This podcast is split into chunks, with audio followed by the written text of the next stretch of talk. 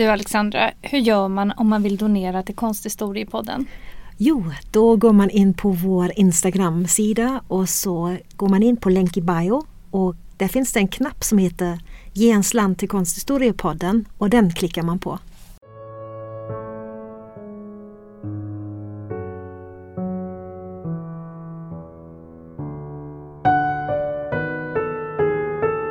Hej och välkomna till Samtal pågår. Jag heter Alexandra Frid. Och jag heter Alexandra Härlitz. Och idag så tänkte vi prata om eh, konstnärer och hur de faktiskt blir och förblir framgångsrika. För en sak som vi tänkte på när vi pratade om Albert Edelfelt sist så är det ju hans nätverkande som är en så viktig del av den fantastiska karriären som han etablerar både i Paris, i Helsingfors och i Sankt Petersburg. Mm. Och då kom vi att tänka på hur viktigt det är att man som konstnär kan det sociala spelet. Att man kan röra sig i de här kretsarna, att man liksom kan möta sina kunder och så mm. vidare. Och att man knyter de rätta kontakterna. Och att man hittar de bästa platserna att ställa ut på. Att man hittar de bästa köparna. Ja, och det är ju någonting som när man läser Albert Edelfelts brev så lyser det igenom hela hans eh, förhållningssätt. Han har ju hela tiden i åtanke uh, att bli sedd, att träffa rätt personer och så vidare. Och, och är väldigt mycket i, i det sociala eller i sociala sammanhang där han ja. alltså går på många tillställningar, flera per kväll ibland. Ja, han, eh, precis. Han, eh, det finns ju dokumenterat att han ibland gick på två eller tre bjudningar per kväll och att han inte kom hem förrän två, halv tre på nätterna. Ja. Eh, och det var ju människor i hans närhet som sa åt honom att han skulle sluta springa ute på nätterna och istället ägna sig åt att måla på dagarna och, och, och skapa verk.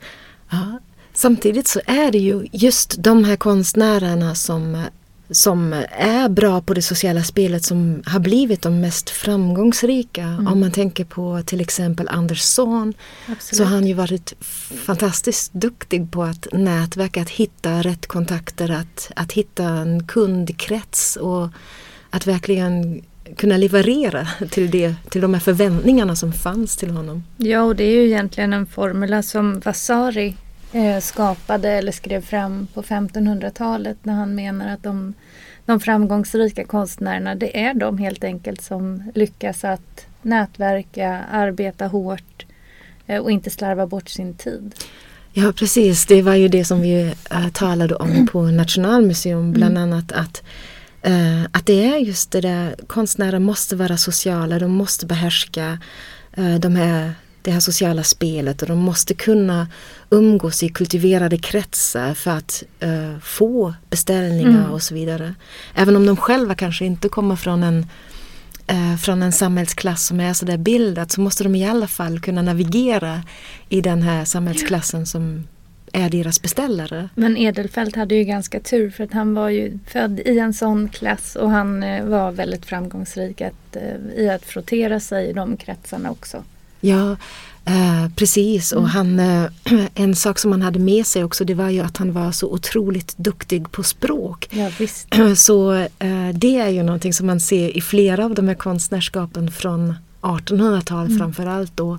När man alltså ska vara framgångsrik som internationell konstnär då är det viktigt att man kan kommunicera. Och ja. det kunde ju Edelfelt i alla fall. Det kunde han och det kunde ju Zorn också. Ja, precis. Han var ju väldigt duktig på engelska. Mm. Det finns ju det här idealet om att konstnärer ska vara så olyckliga och så vidare.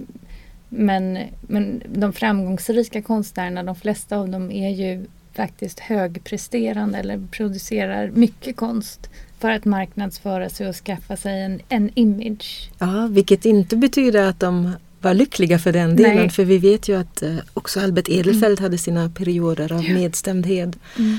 Men eh, pratar nu om den här konstnärstypen, den här artist modi som vi pratade också om på Nationalmuseum. Mm. Som ju är den här ja, 1800-talsidealet ja, ja. av den deprimerade konstnären ungefär. Eh, och, och Och då är ju Vincent van Gogh, eller van Gogh, om vi nu lyckats etablera detta. Mm. Uh, det, han är ju liksom en, ett väldigt bra exempel för, uh, för en konstnär som egentligen är motsatsen till det som Albert Edelfelt var. Som Mm. var mera tillbakadragen, som Mm. inte alls var social på det sättet. Utan hans konstnärskap, att han blev så känd som han blev, det har vi ju pratat om i den andra podden också. Mm. eh, om honom och hans konstverk. Trottoarcafé. Just det. Ja, och det, det, då prat, berättade vi om att det var hans eh, bror Theo och eh, hans eh, fru som faktiskt skapade hela, eller marknadsförde hela Vincent van Goghs eh, konstnärskap i efterhand. Ja, precis. Och väldigt mycket på grund av att alla brev finns kvar, eller många brev finns kvar. Ja, precis.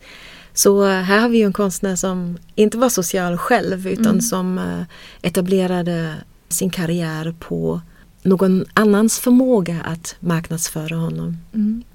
Jag tänker på andra exempel också på 1900-talsexempel. Så eh, om vi tittar på, och det stämmer väl i för sig kanske överens eh, med många andra konstnärer också, men eh, oftast brukar det finnas en person bakom konstnären. Vi kan ju titta på Lee Krasner som stod bakom eh, Jackson Pollock. Vi kan titta på Joe Hopper som var bakom Edward Hopper och många, många fler. I alla fall i de fallen Ja. där konstnären kanske själv inte var eh, den sociala. Eller Nej, den, precis, ja, precis. exakt. Ja.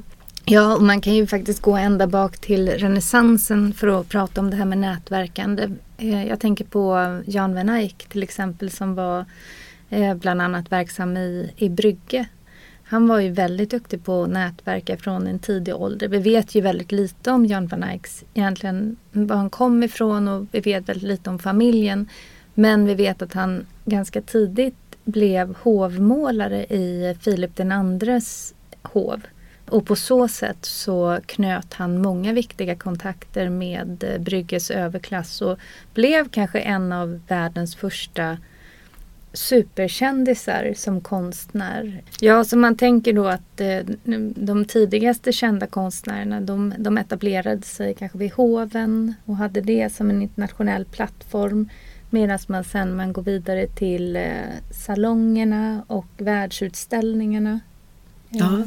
Och detta är ju även nu för tiden väldigt viktigt, det där att man är med i alla dessa sociala sammanhang. Mm. När man egentligen som konstnär, som entreprenör hela tiden måste marknadsföra sig själv. Mm. Och man ser ju ibland exempel på att vissa är väldigt duktiga på att marknadsföra sig. Kanske bättre på det än som, som konstnär, ibland också. Men eh, för det är, det är egentligen det där som många gånger är A och O för att Mm. sjösätta en karriär eller en, en, en väldigt framgångsrik karriär. Mm. Så vissa har ju verkligen lärt sig det här spelet. Ja, det är viktigt att känna rätt personer.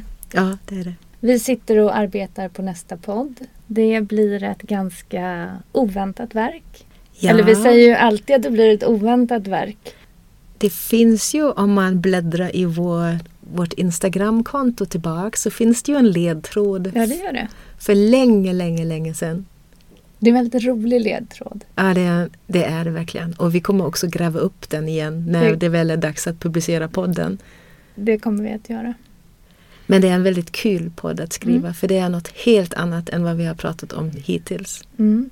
Men eh, när släpper vi då podden? Vi planerar att släppa podden den 24 februari. Men det är inte bara den nya podden som vi ska släppa utan vi jobbar också med en helt annan idé just nu. Mm, det gör vi. Och det är på grund av att vi har fått många e-mail och, och meddelanden från internationella lyssnare som gärna vill hö- höra vår podcast på, på engelska. Ja, vi har fått både förfrågningar om engelska och tyska poddavsnitt. Mm. Eller ja, meddelanden från folk som skriver att åh, jag hade så gärna velat lyssna på detta men jag kan inte svenska. Nej. Så då eh, har vi tagit oss i kragen Ja. och sagt att de här konstverken som är skandinaviska konstverk, de ska vi, de ska vi översätta. Helt ja. enkelt och göra poddarna på, på engelska. Så det kommer vi jobba lite med nu under närmsta tiden.